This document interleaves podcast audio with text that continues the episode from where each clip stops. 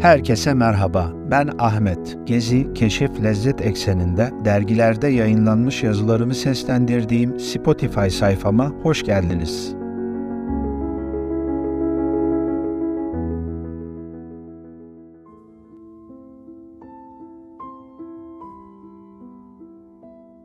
Bu yazı Diyanet Aile Dergisi 2022 yılı Mayıs sayısında Gezi Notları köşesinde yayınlanmıştır. Yeşil Bursa Uludağ'ın eteklerinde bulunan Bursa, yeşille müsemma bir şehir. Osmanlı'nın ilk başkenti olan şehir birçok tarihi esere de ev sahipliği yapıyor. Hem doğasıyla hem de tarihiyle ön plana çıkıyor. Marmara bölgesinde coğrafi açıdan merkezi bir konumda bulunan Bursa, Türkiye'nin en kalabalık dördüncü şehridir. Osmanlı bakiyesi camileri, türbeleri, hanları, müzeleri, parkları ve çarşılarıyla görülesi bir kent. Gerek şehir merkezinde gerekse civarda birçok turistik noktaya sahip. Bizler Bursa gezimize Ulu Cami ile başlıyoruz. Bursa'nın sembollerinden olan cami, erken dönem Osmanlı mimarisi örneklerinden ve şehri ziyaret eden herkesin görmesi gereken görkemli bir yapı. 1399 yılında 1. Beyazıt tarafından yaptırılan cami, farklı hattatlar tarafından yaklaşık 200 hat levhası ve duvar yazısıyla adeta hat sanatları müzesi gibidir. Yavuz Sultan Selim tarafından hediye edilen 500 yıllık Kabe kapı örtüsü de cami içerisinde görülebilmektedir. 20 kubbesi ve iç alanı genişliği açısından Türkiye'nin en büyük camileri arasındadır mermer havuzlu iç şadırvanı ile görenleri büyülemektedir. Çivi kullanılmadan kündekari tekniği ile ceviz ağacından imal edilen minber eşi benzeri olmayan bir sanat eseridir. Minberin iki yan yüzeyinde kabartmalı bir şekilde güneş sistemindeki gezegenlerin tasvir edildiği rahatlıkla görülebilmektedir. Cami etrafındaki bölgeye Hanlar bölgesi denilir. Burada Koza Hanı, Fidan Hanı, Geyve Hanı, Pirinç Hanı, Eski İpek Hanı ve Kapalı Çarşı bulunur. Kapalı Çarşıda biraz turlayıp alışveriş yapabilirsiniz. Bu arada Bursa ipek üretiminde hatırı sayılır bir üne sahip. Çarşıdan ipek ürünler satın alabilirsiniz.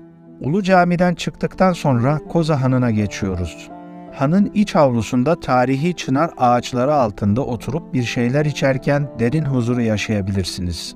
Biraz dinlendikten sonra kaldığımız yerden devam ediyoruz.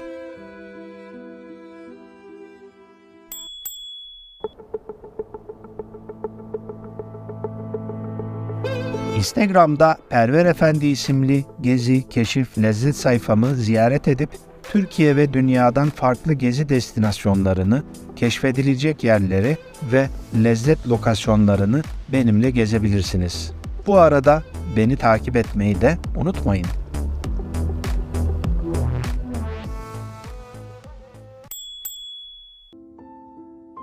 Caminin üst caddesinde Tophane Tepesi'ne doğru yürüyüşümüze devam ediyoruz. Yokuşun hemen başlarında sağ tarafta bulunan Bali Bey Han farklı mimarisiyle dikkatimizi çekiyor. Hızlıca girip bu hana da göz gezdiriyoruz. Handan çıktıktan sonra az ileride solda Bursa Kalesi'nin ana giriş kapılarından olan Saltanat Kapısı'nı görüyoruz. Bu kapıdan surlara giriş yapıyoruz. Kale duvarının ve kapılarının ardında Anadolu'nun asli kimliğini yansıtan Bursa evlerinin en güzel örneklerinin olduğu rengarenk sokaklarda dolaşıyoruz. Yine aynı kapıdan caddeye çıkarak Tophane Tepesi'ne doğru yürümeye devam ediyoruz.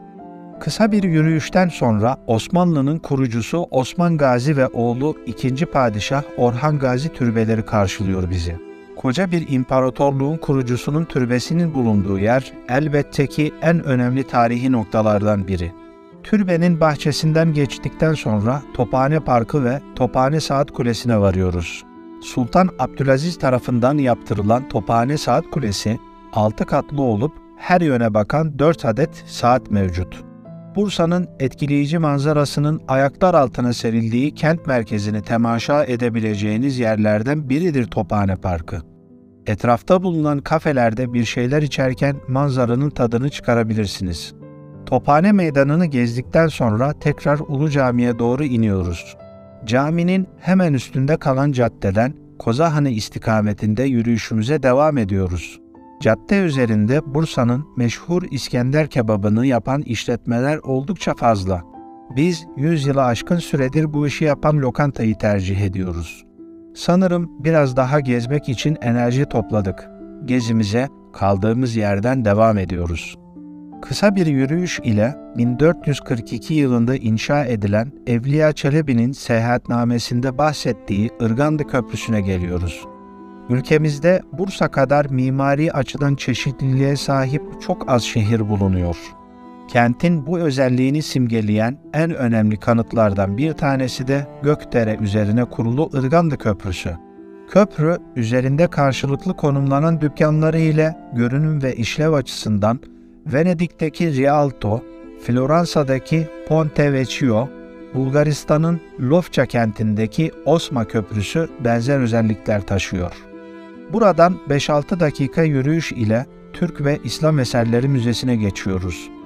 Müzede Selçuklu, Beylik ve Osmanlı dönemlerine ait çini ve seramik eserler, ahşap, oyma ve kakma eserler ile Selçuklu ve Osmanlı sikkeleri, geleneksel Türk kıyafetleri teşhir ediliyor. Müze bahçesinde İslami dönem mezar taşları, kitabeler sergileniyor. Müzenin hemen yanında şehrin her yerinden görülebilen ve motifleriyle göz kamaştıran Bursa'nın simgelerinden olan Yeşil Türbe bulunuyor. Son durağımız Emir Sultan Camii ve Külliyesi oluyor. Ülkemizde Eyüp Sultan Türbesi'nin ardından çokça ziyaret edilen dini yapılardan biri de Emir Sultan Türbesi. 15. yüzyılda Yıldırım Beyazıt'ın kızı Fatma Hatun tarafından eşi adına inşa ettirilmiş. Yürüyerek bir günde uygulanabilecek bir gezi planını gerçekleştirmiş olduk. Ulaşım ve vakit sıkıntısı olmayanlar için mutlaka görülmesi gereken diğer yerler hakkında bilgi verelim.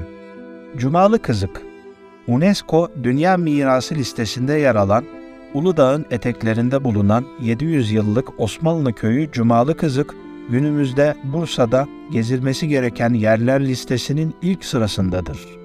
Şehir merkezine yakınlığı ile ulaşımı oldukça kolaydır ahşap, kerpiç ve taş mimari özellikleriyle öne çıkan evler, rengarenk duvarlarıyla yılın her dönemi birçok kişi tarafından ziyaret ediliyor.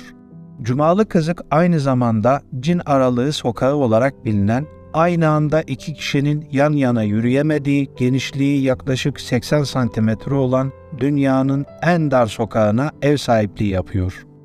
Panorama 1326 Bursa Fetih Müzesi 2019 yılında açılan müze dünyanın en büyük tam panoramik müzesidir. Devasa müze kubbesinin altında Osmanlı'nın küçük bir beylikten üç kıtaya hükmeden cihan devletine uzanan yolculuğunun resmedildiği üç boyutlu görseller vardır. 42 metre çapındaki kubbeyi ayakta tutan altı sütun, Bursa'da metfun altı Osmanlı padişahını temsil eder. Hünkar Köşkü Müzesi Köşk 1844 yılında Padişah Abdülmecit Han'ın Bursa gezisi nedeniyle av köşkü olarak yaptırılır.